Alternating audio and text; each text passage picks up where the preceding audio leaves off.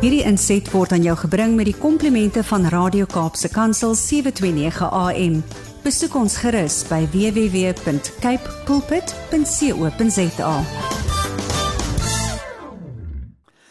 Goeiedag en baie welkom by die program Markplek Ambassadeurs. My naam is Harm Engelbrecht en dit is vir my so groot voorreg om vanoggend met julle te gesels uh, een dag voor Kersfees of moet ek liewer sê een dag voor die Christusfees want dit is tog wat ons as gelowiges oor praat. Dit is wat ons vier en ons moenie verstrengel raak en gevang word in hierdie web van van van geld spandeer en feesvieringe ehm um, agter die wêreld aan nie. Laat ons die regte betekenis uh, van van van hierdie Christusfees van hierdie herdenking van Jesus se geboorte altyd onthou Ek wil vandag 'n bietjie met julle 'n bietjie weier praat as net as net môre, as net hierdie Christusfees. En ek wil ek, ek wil 'n vraag vra wat jou dalk so 'n bietjie gaan laat dink en jy gaan dalk vir my vir my sê man, jy vra mos nou 'n baie dom vraag. Maar die vraag wat ek ver oggend wil vra hier op die vooraand voordag uh, wel dag voor Kersfees is watter Jesus aanbid jy? En wie is jou Jesus? Dit mag vir jou vreemd klink want jy kan vir my sê man, ons weet mos wie hy is. Ons weet mos hy's hy's gebore uit die maagd Maria en eh, en ons vier sy geboortedag môre. Ja, maar weet jy wat? Daar's mense daar buite wat sê hulle is gelowiges en wat in die Here Jesus glo.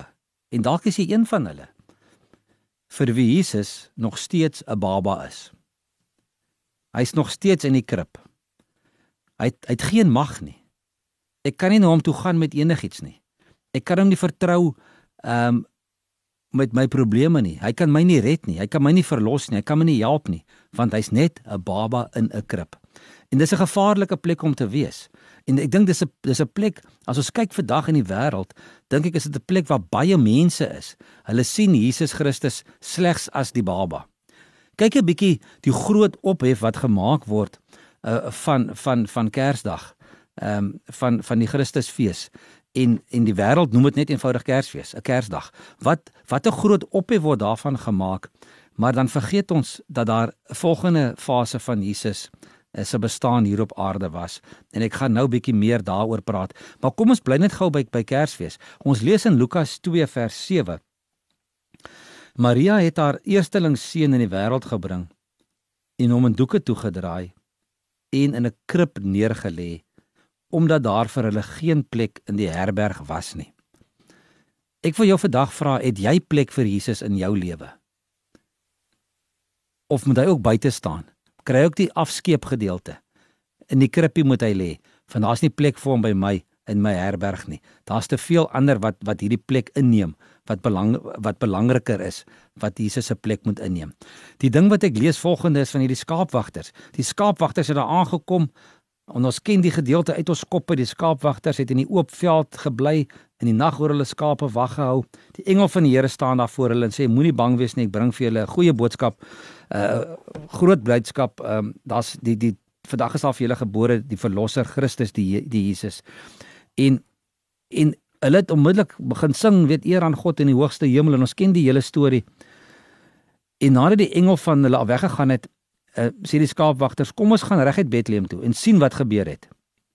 Uh, soos die Here dit aan ons bekend gemaak het. Hulle gaan toe haastig, hulle kry vir Maria en Josef en die kindjie daar en toe hulle hom sien het hulle ehm um, het hulle vertel wat wat oor die kindjie aan hulle gesê is en almal wat dit gehoor het was verwonderd oor wat die skaapwagters vir hulle vertel het.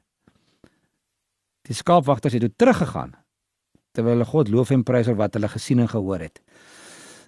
My vraag is wanneer lees ons ooit weer van hierdie skaapwagters? Ons hoor nooit weer van hulle in die Bybel nie. Interessant genoeg, Jesus het nie die skaapwagters geroep om sy volgelinge te wees nie. Hy het die vissermanne gaan roep. So wat het van hierdie skaapwagters geword? Hierdie opgewondenheid wat wat wat wat wat rondom hierdie gebeurtenis was, rondom hierdie geboorte was, lyk my dit weer heeltemal verdwyn. Hierdie opgewondenheid wat mense hierdie tyd van die jaar het, en die winkels is vol en die musiek speel en die partytjies word gehou. Maar waaroor gaan dit? Gaan dit daaroor dat ek weet dat Jesus Christus as verlosser vir my gebore is of gaan dit net daaroor dat ons lekker kan vakansie hou en lekker partytjies kan hou en lekker fees kan vier en vir mekaar geskenkies gee. So, die punt wat ek wil maak is daar's mense daar buite en ek sê weer, dalk is dalk luister daar iemand vanoggend waar die waar die boodskap van Jesus stop by die krib. Hy's gebore, hy's 'n baba, maar weet jy wat? Hy kan nie veel vir my doen nie. Maar dan gelukkig vir ons 33 jaar later na Jesus se geboorte is hy gekruisig. En in en in Matteus 27 vers 54 lees ons van die kruisiging van Jesus. Daar in eintlik die hele vers eh, hoofstuk 27 gaan oor die verhoor van Jesus en dan daarvan vers 32 af praat hulle oor die kruisiging.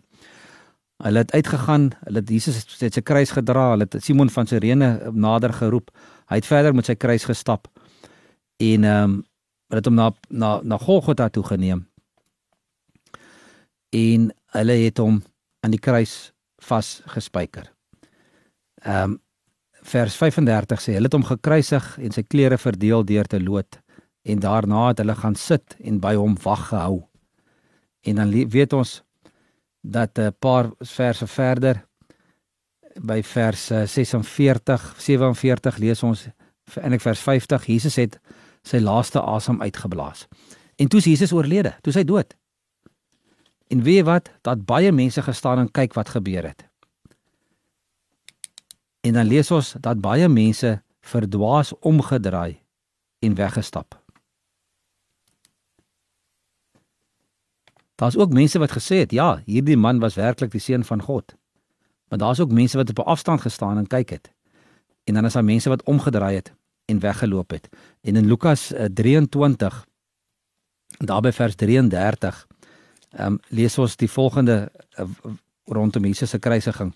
Vers 33 by Lukas by Lukas 23 staan daar Ehm um, hulle het hom gevat Kobbien plek toe, hulle het hom hulle het hom hulle het gekruisig een regs van hom, een links van hom. En dan in vers uh, 47 Toe die offisier sien wat gebeur het, het hy gesê hierdie man was werklik onskuldig. Al die mense wat saamgedrom het om na die skouspel te kyk en gesien het wat daar gebeur het, het verslae huis toe gegaan. So 'n klomp mense het, het geloop. Vir hulle was dit nou die einde van die storie. En vir hoeveel van van van mense wat hulle self vandag Christene noem en volgelinge van Jesus noem, se se geloof in Jesus en se kennis van hom stop net daar by 'n dooie Jesus wat aan 'n kruis hang. So wat wat kan hy vir my doen? Wat beteken hy? Nee. Daai mense gaan vir jou sê hy was nie God nie want hy's dood. Hy het gesterf. En dis ook wat baie mense vandag nog glo dat Jesus nie opgestaan het nie, dat sy liggaam gesteel is en dat hy nog steeds dood is. Maar ons as as as as as Christene wat die volle boodskap van Jesus verstaan, vir ons gaan die van die verstaan van Jesus verder. Ons verstaan en ons aanbidding van hom stop nie by 'n krib nie. Dit stop nie by 'n kruis nie. Nee, ons verstaan van Jesus gaan verder. Want Jesus het ook opgestaan. Matteus 28 en ook Lukas 24. Ek gaan sommer eers Lukas 24 vers 6 lees waar daar staan ehm um, dat ehm um, hy is toe hulle hom gaan soek in die oggend die vroue toe sê die engel vir, vir hulle Uh hy is nie hier nie. Hy is uit die dood opgewek. Hy's nie hier nie. Hy's uit die dood opgewek. In Matteus 28 uh, vers 6 lees ons dat daar ehm um, min of meer dieselfde woorde daar staan hy is nie hier nie want hy is uit die dood opgewek soos hy gesê het. En dan ehm um, sê hy ook vir die vrouens wat benader kom en kom kyk, want Jesus is nie meer daar nie. Hy het hy het opgestaan. So daar's ook mense wat Jesus aanbid en glo dat hy die opgestane Here is wat heeltemal reg is, want deur sy opstanding het hy ook die dood oorwin. Maar daar's 'n voor daar's 'n volgende 'n volgende fase van van geloof en van hoe ons na Jesus kan kyk in plaas van net die opgestane Jesus. Want onthou, as ons na ons kerkkalender kyk, is dit nou Kersfees of Christusfees wat ons vier. Ehm um, en dan is dit Paasnaweek waar Jesus se opstanding of se se se se kruisiging en opstanding ehm um, herdenk word. Maar dan is daar 'n dag 40 dae na Paasnaweek wat baie min mense nog vier in ons land en wêreldwyd en dit is die hemelvaart van Jesus. So in plaas van om om te weet Jesus het opgestaan, ehm um, as jy hemelvaart vier, dan het jy daai besef jy leef met dit met 'n verwagting dat hy weer gaan terugkom. So jy het 'n toekomsverwagting en dit lees ons in Handelinge hoofstuk 1.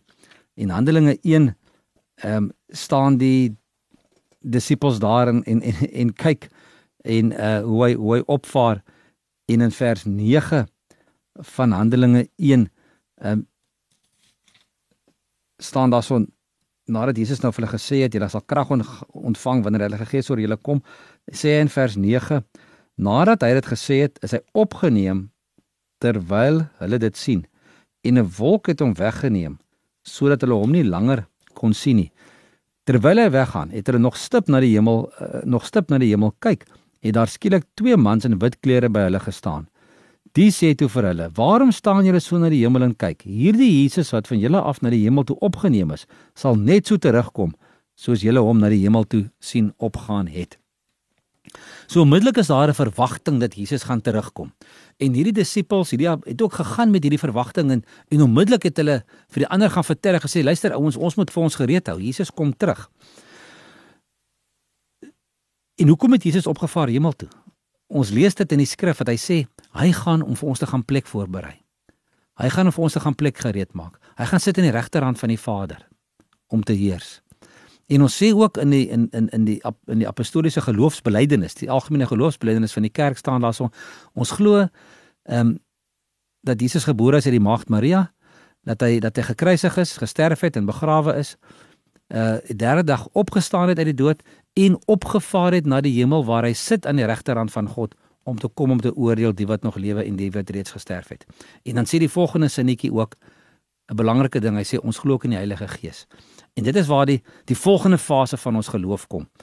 Um, in plaas van net die babietjie of die dooie Jesus aan die kruis of die opgestane Here of die opgevaarde Jesus wat ons kan aanbid, is daar ook die Jesus wat die Gees uh uitgestort het.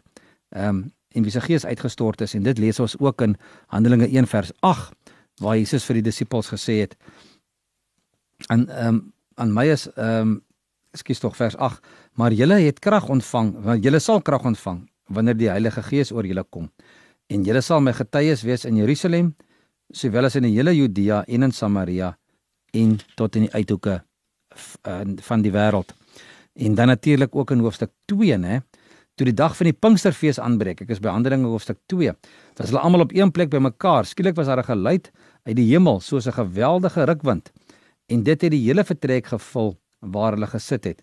Hulle het iets soos vuur gesien wat in tonge verdeel en op elkeen van hulle gekom het. Almal is met die Heilige Gees vervul en hulle het in ander tale begin praat soos die Gees het aan hulle gegee het om onder sy leiding uh, te doen. So Jesus het nie net opgevaar hemel toe nie maar dit mos verduidelik ook um aan sy disippels dat wanneer hy weggaan, dan gaan hy iemand stuur, die trooster om by ons te wees. Dat die Heilige Gees gaan stuur om ons te lei, om ons te bewaar, om ons te om vir ons op te tree. En wanneer ek nou vir jou deur hierdie 5 fases gevat het van van Jesus se lewe, uh die die geboorte wat ons wat ons ook vier dan um, môre en ek wil nie oor 'n datum praat en daaroor 'n redenasie gaan nie. Die feit bly staan Jesus is gebore. Dit moet ons glo, hy's gebore uit die maagd Maria. En en dat hy en dat mense baie keer hom net kan aanbid as as die baba. Gaan kyk 'n bietjie ehm um, hoeveel mense woon op 25 Desember uh die, die eredienste in die kerke by.